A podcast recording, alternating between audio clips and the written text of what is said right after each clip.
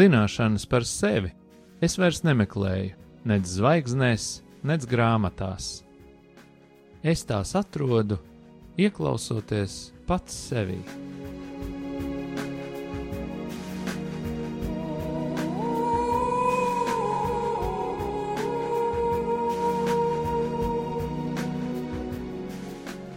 Raidījums Mīlestības terapija. Top mīlestības mājai, sadarbojoties ar profesionālo pastorālās konsultēšanas asociāciju. Sarunas par sevi, dzīvi, psiholoģiju un dvēseles terapiju.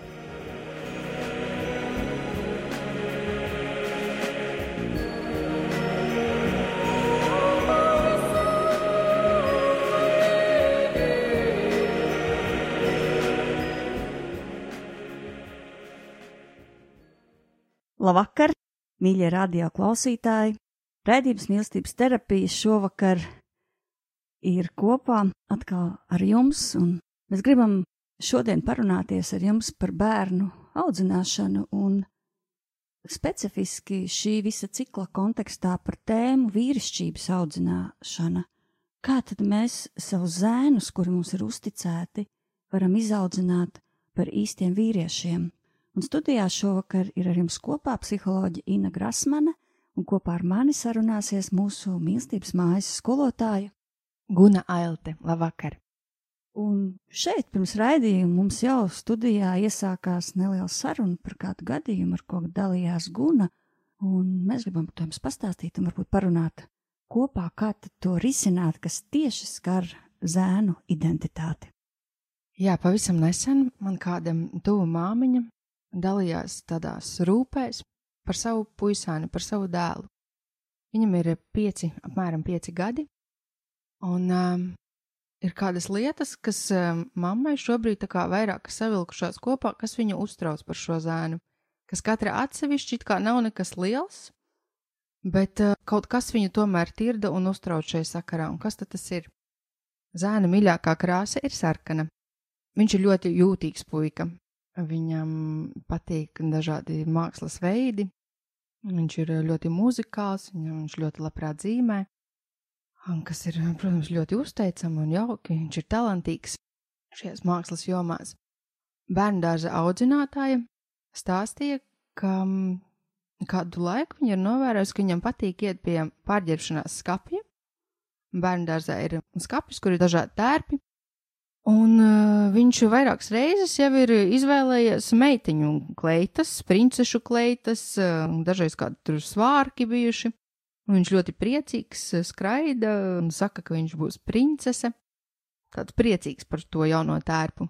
Piebildīšu, ka ģimenē viņam nav māsiņa, viņam ir brālis, un tas nozīmē, ka, jā, ka ģimenē viņiem nekur tādas princešu kleitas nedominē mājās, nekur nav pieejamas.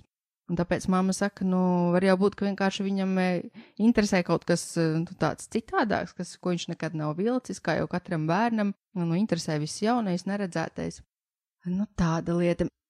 Tad e, viņa dalījās um, tādā sarunā, kas viņu sevišķi uztrauca, ka ja līdz šim viņš bija teicis, ka viņš gribētu būt ārsts, vai viņš ir pieminējis, ka viņš gribētu būt priesteris, tad, kad izaugs liels, Tad tagad kādā sarunā viņš teica, bet zini, mam, tad, kad es izaugšu liels, es būšu meitene.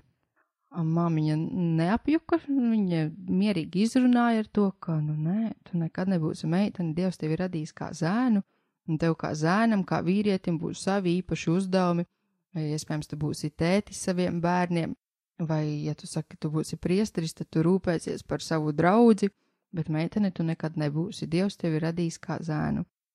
Nu jā, un lūk, tādas dažādas kaut kādas epizodes, kas satrauc viņu, nekur ģimenē tāds līdz šim nekad nav bijis, šādi pavērsieni, un viņa dalījās šajā savā sāpēs. Viņa satraucās par savu zēnu tādām domām, vai kas tur notiek, vai tas ir kaut kas tāds pārējošs, vai tas ir kaut kas tāds, par ko ir daudz tagad jāmeklē kādi padomi pie psihologiem, vai tā ir kaut kāda vecuma posma īpatnība. Klausoties šo gadījumu, man uzreiz ir vairāk jautājumu būtu, protams, šai māmiņai. gan par to, cik ilgi tas ir ilgtermiņā, vai, vai tas ir divas nedēļas, vai tas ir jau pusgadu. Tad, protams, man būtu daudz jautājumu par daudzām citām pazīmēm par bērnu, kas raksturo veselu bērnu un kas raksturo ievainotu un slimu bērnu. Jā, es saprotu, ka šī galvenā raize, kas ir šai māmiņai, ir par identitāti un par to, vai zēns ir kopā ar savu identitāti saskaņot dzīvot, aug kā vīrietis, vai viņš tiecās kļūt par meiteni, tātad pieņemt tādu homoseksuālu identitāti, kas ir nevesela identitāte. Tad, tad viņai ir jautājums par to, vai šis bērns ir vesels. Un veseliem bērniem ir veselības pazīmes. Pēc kā mēs varam pateikt, vai viņš ir vesels, vai viņš ir um, nu, identitātē traumēts, ko mēs runājam par homoseksuāliem cilvēkiem. Man ir bijuši vēl vairāki gadījumi manā terapijas praksē, kur vecāki ir nākuši ar šādu jautājumu. Viens bija arī pāris, kur tēvs ir mācītājs un sieva, un viņiem ir viens bērns līdzīgi. Un viņi arī nāca uzdot šo jautājumu, vai mūsu bērns ir slims, vai mums ir jābūt ļoti kaut kā jārēģē šobrīd uz to. Un izpētot šo gadījumu, kā terapeits, uzdodot daudz jautājumu šiem vecākiem par šo bērnu, mēs kopā palikām pie viedokļa, ka tas ir cilvēks ar atšķirīgu uzbūvi, dziļi empātiskas, mākslinieciska tipa, kurš dziļi iejūtās dažādos apkārtējos tēlos, un viņš izdzīvo sievišķību, nu, pilnā nopietnībā, kā to izdzīvo pirmskolas vecuma bērni. Pirmskolas vecuma bērni ļoti iejūtās tēlos. Nu, ja viņš ir suns, tad viņš kļūst par suni. Un viņš kādu laiku šo suņa lomu var izdzīvot ļoti, kļūstot līdzīgs sunim bet mēs nevaram uzskatīt, ka tas bērns ir slims, tāpēc, ka viņš tēlo suni. Ja viņš tēlo suni kādu, nu, kādu periodu, un pēc tam viņš maina to savu izdzīvošanas objektu, vai ja bērns ir princese vai princis, un viņš kādu laiku ļoti aizrauc ar šo tēlu, pat varbūt izskatās, ka tā kā apsēsts, bet bērni aizraujās ar šiem tēliem, viņi izdzīvo caur sevi, caur šādu brīvo rotaļāšanos, tos jautājumus, kas viņiem ir par šo tēlu pārdzīvojums, kas viņam ir saistībā ar šo tēlu. Piemēram, šim puisītim varētu būt daudz jautājumu par sievišķību, par sievieti, par meitenēm, kas ir ļoti raksturīgi jautājumi 5, 6 gadus veciem zēniem, un arī meitenēm par zēniem, par vīrišķo. Un tas varētu būt pilnīgi mierīgs, normāls identitātes attīstības posms, kur nav vietas satraukumam.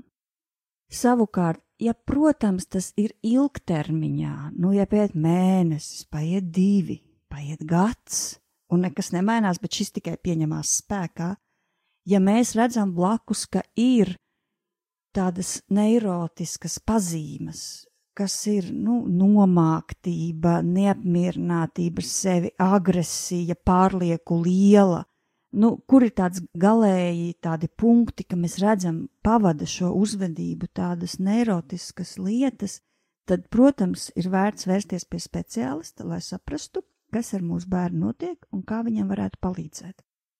Bet lomu spēle kā tāda nekādā gadījumā, nekādā veidā nebūtu jāuztver par slimību. Tas ir periods, kur bērns izdzīvo sievišķību, lai kļūtu par vīrieti. Un te mēs esam tajā punktā pie vīrišķības audzināšanas, ka mums jāaudzina mūsu bērni, zēni tā, lai viņi kļūtu par īstiem vīriešiem. Bet kas tad ir īsts vīrietis? Īsts vīrietis ir arī emocionāls, spējīgs sajust, kontaktā ar to sievišķo daļu sevī. Un tad šis zēns tagad attīsta šo sievišķo daļu sevī. Tā nav slimība, tā ir bagātība ja mēs pareizā veidā to izvadam cauri.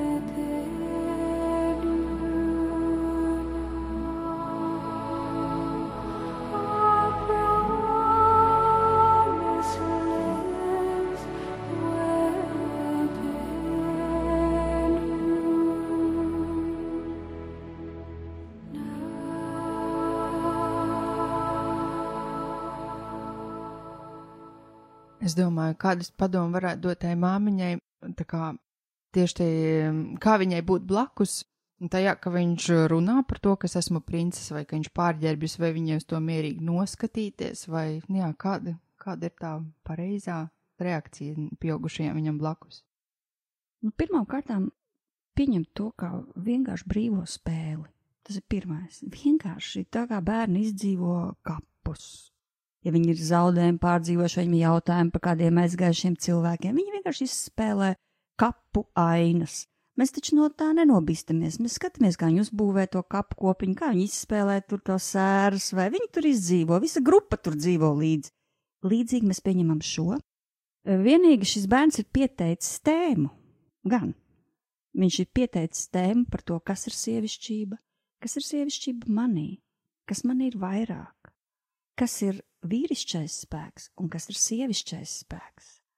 Es par to runātu gan um, caur stāstiem, cilvēku dzīves stāstiem, vīriešu stāstiem, vīriešu identitāti apstiprinošiem stāstiem, gan stāstiem par viņa tēti, varbūt, kas tad viņā ir šis vīrišķais spēks, bet kas tētī ir tas, kas ir nu, sievišķais spēks, kur viņš ir jūtīgs, kur viņš ir emocionāls un tāds atvērts, un viņš var, pateicoties tam, labāk saprast savu sievu un savus bērnus.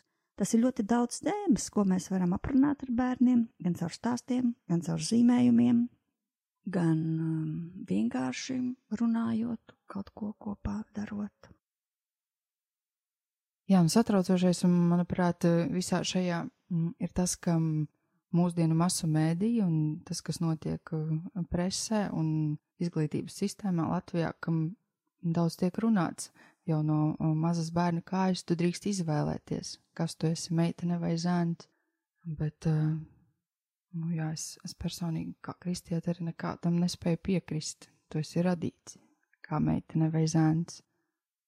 Tur nav vietas izvēlei. Vai izvēlēji robežas? Jā, un a, a, turpinot šo sarunu, es arī labprāt padalītos ar kādu citu gadījumu un stāstu, kas savukārt mūs ieved vīrišķības audzināšanas tēmā no kāda cita uh, punkta. Arī kāda māmiņa, kurai ir bērniņš, kuram ir divi gadi, viņa ir šķīrusies, viņa audzina viena pati šo dēlu. Tā tad uh, dēlam tēva figūra nav blakus katru dienu Un viņām ir sieviete, kas ir bērnībā pārcietusi vardarbīgu pieredzi, un arī šī e, ģimenes dzīve viņai bija vardarbīga. Un viņa šobrīd ar savu dēlu dzīvo viena, viņa ir izcīnījusi cīņu ārpus šīs vardarbības, viņa dzīvo ar viņu viena. Viņa šeit tad aizved e, bērnu pie tēva ciemos, bet Viņa guļ ar viņu vienā gultā, un viņa baro šo bērnu ar krūti. Un viņa uzdod jautājumu, kā viņa lasa literatūrā, ka tas ir ļoti atbalstoši, tas ir labi līdz trīs gadiem bērnus barot ar krūti, ka tā māmiņa nodod savu mīlestību, zinot, ka viņas bērns ir pārcietis traumu, viņa arī cenšas šo mīlestību dot, un ka šī gulēšana blakus arī ir drošības došana, un viņa man kā speciālistam uzdod jautājumu, Vai ir kaut kur uzrakstīts, cik gados, nu, kad, ja viņš negulēs man blakus, cik gados man, nu, tas sākās problēma, ka sāku ar savu lielo mīlestību un viņa tādu ārstēšanu uh, ietekmēt negatīvi viņa veselību, ka es kļūstu par glābēju, ka es kļūstu par tādu māti, kur pāraprūpē, kur uh, slāpē viņa attīstību, vīrišķības. Tā tad ļoti gudra mamma. Viņa jau uzdod šo jautājumu, kur ir tā robeža, starp manu mīlestību un to, kad es viņam gribu palīdzēt, viņu atbalstīt, un to, kur es sāku viņam traucēt, attīstīties kā vīrietim. Eh, Guna, starp citu, arī ir eh, cilvēks, kas atrodas dūlu apmācībā, un tātad tiešā saskarē ar šiem zīdīšanas un zīdēņu eh, jautājumiem, un ko tu domā par šādu gulēšanu kopā, barošanu, cik ilgi, kāpēc un kurā brīdī mēs jau ar savu lielo mīlestību, es teiktu, pēdiņās krūti sākam traucēt tam zēnam attīstīties kā vīrietim. Man ļoti patīk tā doma, ka tad, kad ģimenē ienāk mazs bērniņš, visa pasaule griežas ap viņu, viņš tā kā nokļūst visa centrā. Bet būtu labi vecākiem atcerēties, ka joprojām mēs, mūsu attiecības, vai šai gadījumā tikai es kā mamma, esmu tomēr es un es kā mamma un manas vajadzības ir pirmajā vietā un bērniņš otrajā. Ja viņai rodas šādi jautājumi par to mm, atdalīšanos, un kurā laikā, un kad un cik ilgi, mm, tas man liek domāt, ka varbūt šobrīd uh, viņa jau vairs nejūtas ar to ērti un labi. Un uh, priekšā stāv mm, lielās atdalīšanās sāpes. Kāpēc saku atdalīšanās sāpes? Tāpēc, ka ir ļoti, ļoti grūti skatīties, kā tavs bērns, un šajā gadījumā mazais vīrietis, ļoti, ļoti raud. Vai tu kā mamma esi gatava būt blakus savam bērnam, kurš ļoti, ļoti raud, no visas sirds raud.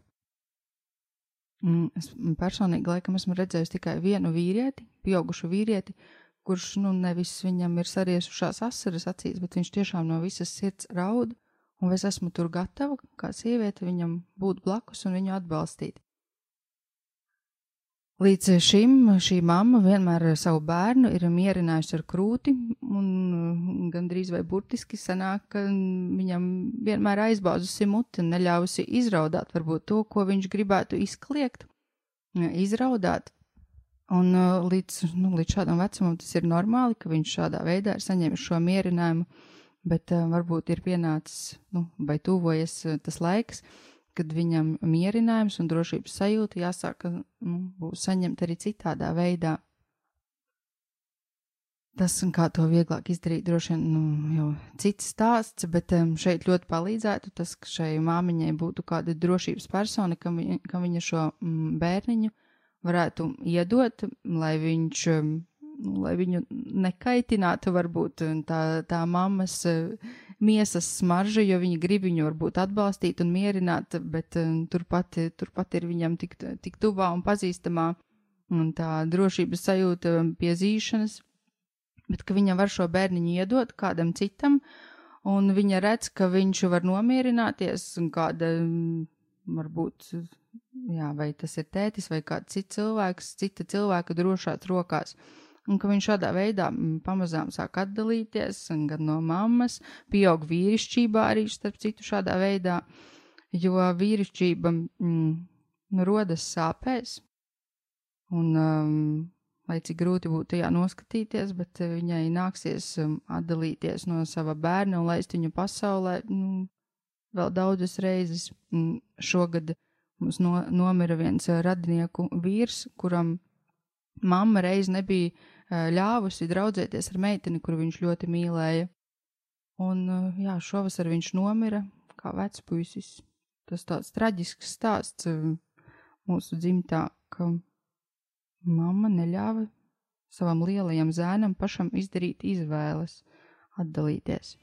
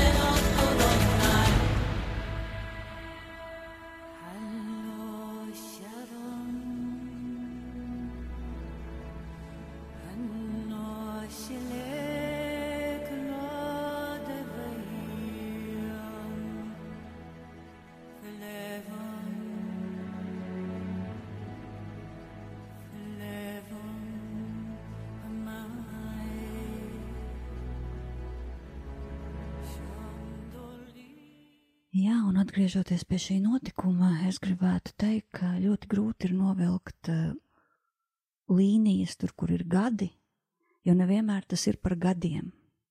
Un arī šajā gadījumā tas nav par gadiem.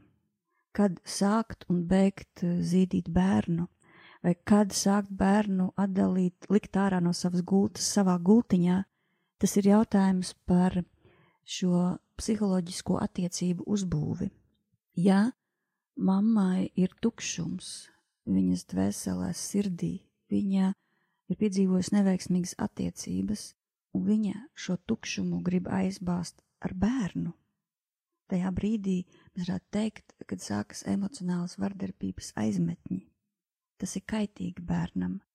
Bērnam nav jābūt aizvietotājam kādā tukšumā, viņam ir jādzīvo vienkārši sava dzīve.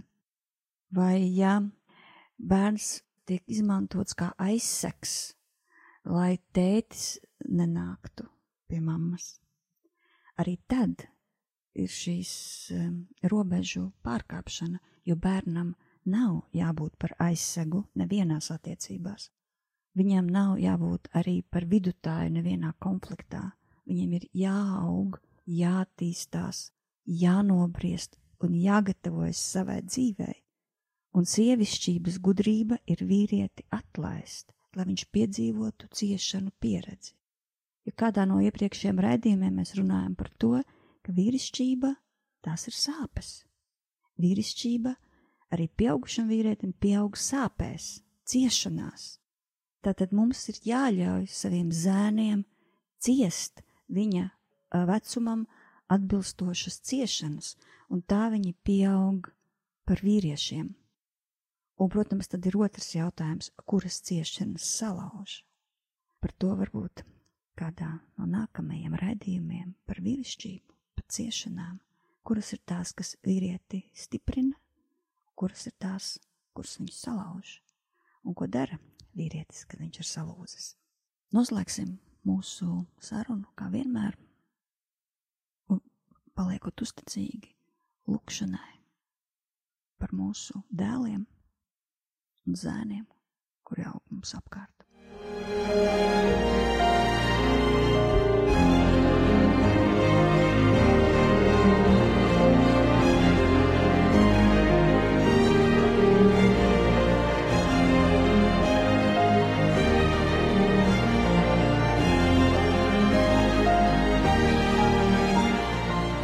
Kungs, Jēzu, mēs ieliekam savus dēlus, tos zēnus, kuriem mēs ejam ikdienā blakus, tavās rokās. Tev ir īpašs plāns priekš katra no viņiem. Ar īpašām domām tu katru no viņiem esi radījis. Paldies, Tev, Jēzu, ka Tu esi katra vīrieša paraugs katra stiprums un spēks, no kā smelties padomu, gudrība, kuru saņemt atbildes brīžos, kad ir apjukums. Dod mums arī kā sievietēm gudrību iet blakus šiem zēniem, stiprināt viņos vīrišķību,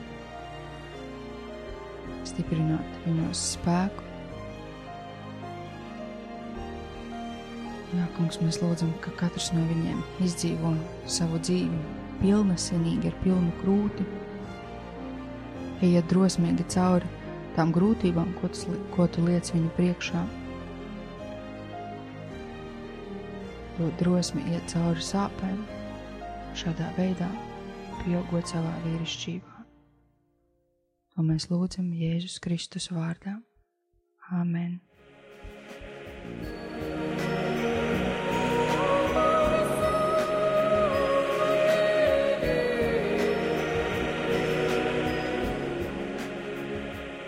Jūs klausījāties raidījumu mīlestības terapija. Raidījumus varat noklausīties mājaslapā mīlestības māja.lv vai Latvijas Profesionālās pastorālās konsultēšanas asociācijas Facebook mājaslapā.